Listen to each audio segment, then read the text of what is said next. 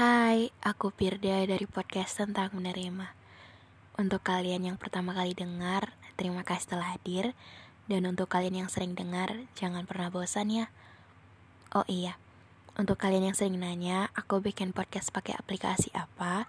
Aku bikin podcast pakai aplikasi Anchor. Karena dengan Anchor bikin podcast lebih mudah dan langsung dihubungkan ke Spotify. Dan pemakaiannya 100% gratis.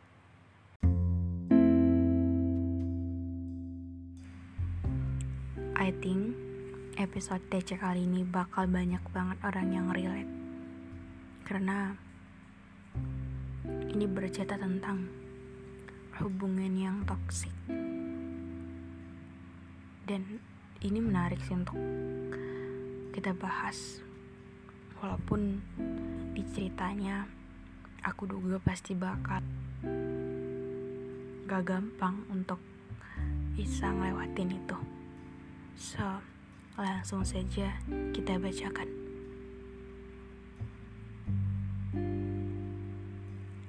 Halo Kak Birda, aku mau cerita.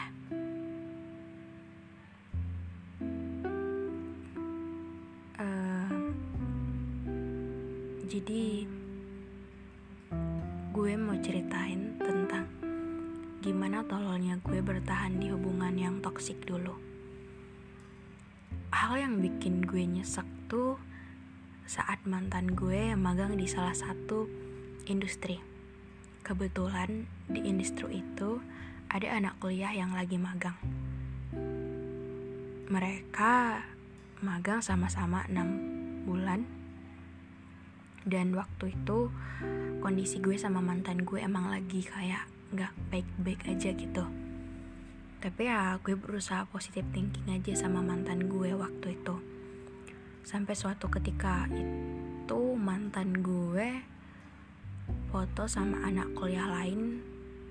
Tapi fotonya ya tergolong gak wajar. Ya otomatis gue SS fotonya dan gue kirim ke mantan gue waktu itu.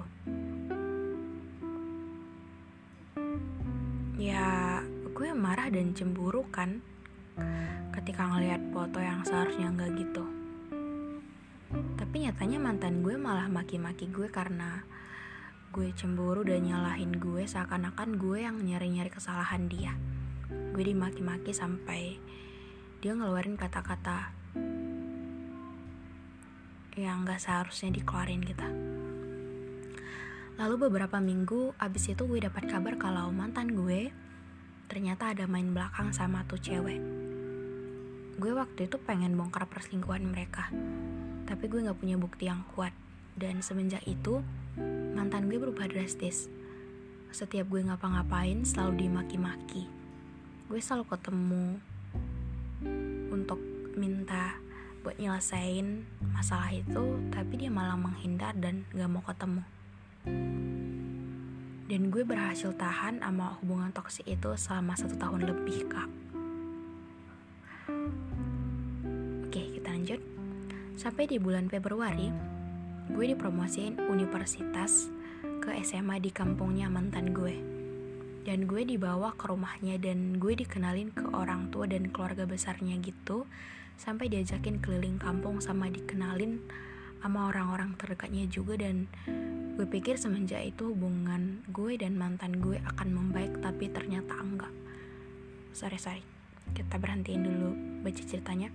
Berarti ketika dia tahu cowoknya selingkuh dia masih memilih untuk lanjut. Oke oke. Kita lanjut bacain ceritanya. Dua minggu selesai promosi nyatanya gue dapat kabar lagi kalau tuh orang nyelingkuhin gue sama anak kota lain. What? Berarti yang kedua kali dan gue ngerasa hancur dan tolol banget kak. Kenapa gue nggak bisa tahan sama kenapa gue tahan sama rasa sayang yang sebenarnya salah gitu? Sampai akhirnya gue nekat ngumpulin semua bukti-bukti nyatain kalau mantan gue selingkuh dan gue bongkar hebat tengah malam sama dia sampai gue kasih semua bukti-bukti perselingkuhan dia. Tapi tuh orang masih ngelak dan nyari-nyari kesalahan gue yang seakan-akan gue yang salah gitu. Seakan-akan uh, gue yang buat dia berubah padahal mah gue ngelakuin semua yang terbaik. Gue buatin tugas-tugas kuliahnya gue nurutin semua keinginan dia. Ketika minta tolong apa pun jujur gue ngerasa jadi orang yang tolol dan goblok banget saat itu.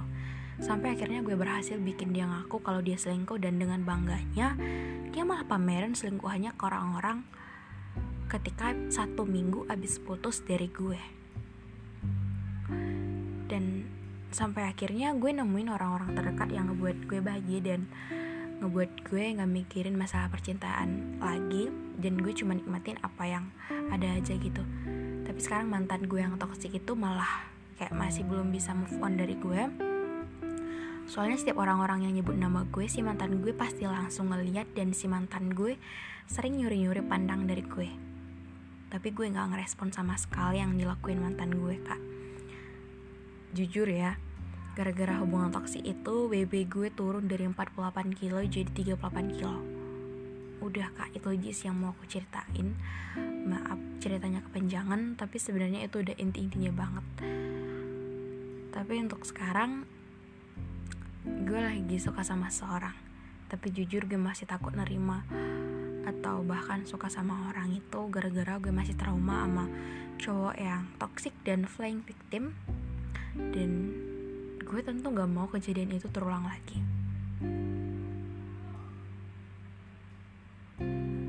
Dan mungkin sekian episode kali ini. Eh sorry sorry sorry. Mungkin sekian cerita kali ini yang dikirim dari pengirim cerita kita cewek.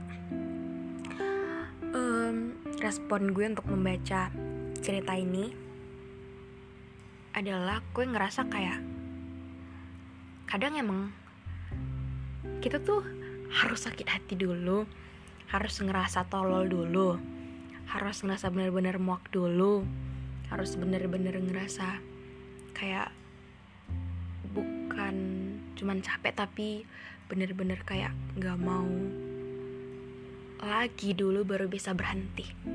Karena kayak sebenarnya kalau dipikir-pikir ya kita lihat si cowok tadi dia udah selingkuh dua kali dia nggak ngaku dia malah nyalah nyalahin si cewek dan berusaha seolah-olah uh, dia tuh ngelakuin itu bukan karena emang dia salah tapi dia nyalahin si cewek lagi gitu. Emang untuk hubungan toksik ya gue tuh nggak tahu apa yang perlu dipertahanin. Karena kadang kayak cerita kali ini dia udah tahu dia cowoknya selingkuh tapi masih dipertahankan dengan harapan bahwa akan berubah akan bisa lebih baik.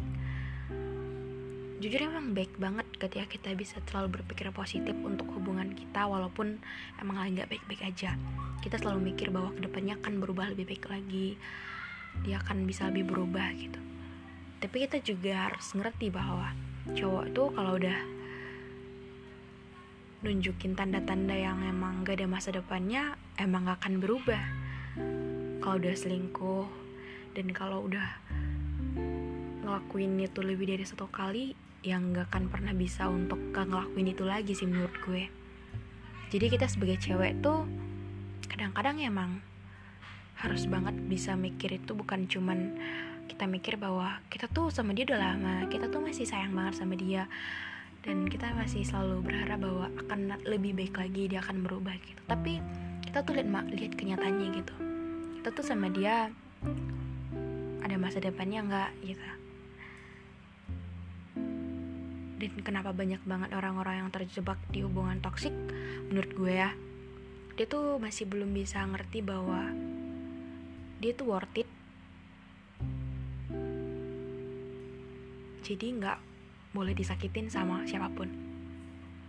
Artinya kayak ketika kita tuh udah bisa ngetik diri kita sebaik yang kita bisa ketika ada orang lain yang datang ketika ada orang yang kita pikir rumah tapi malah jadi sumber luka kita tuh bisa ambil keputusan untuk cepat atau langsung cut up untuk berhubungan lagi walaupun kita masih sayang atau walaupun kita betul-betul ngasih kasih sayang kita sepenuhnya gitu tapi kabar baiknya memang hubungan toksik itu akan selalu jadi pelajaran yang buat kita ke depannya tahu bahwa hal seperti ini nggak boleh terulang lagi. Tapi kalau kita kenal orang baru, nggak apa-apa untuk dicoba lebih baik lagi. Karena kadang lebih baik mencoba dengan yang baru daripada kembali ke luka itu lagi.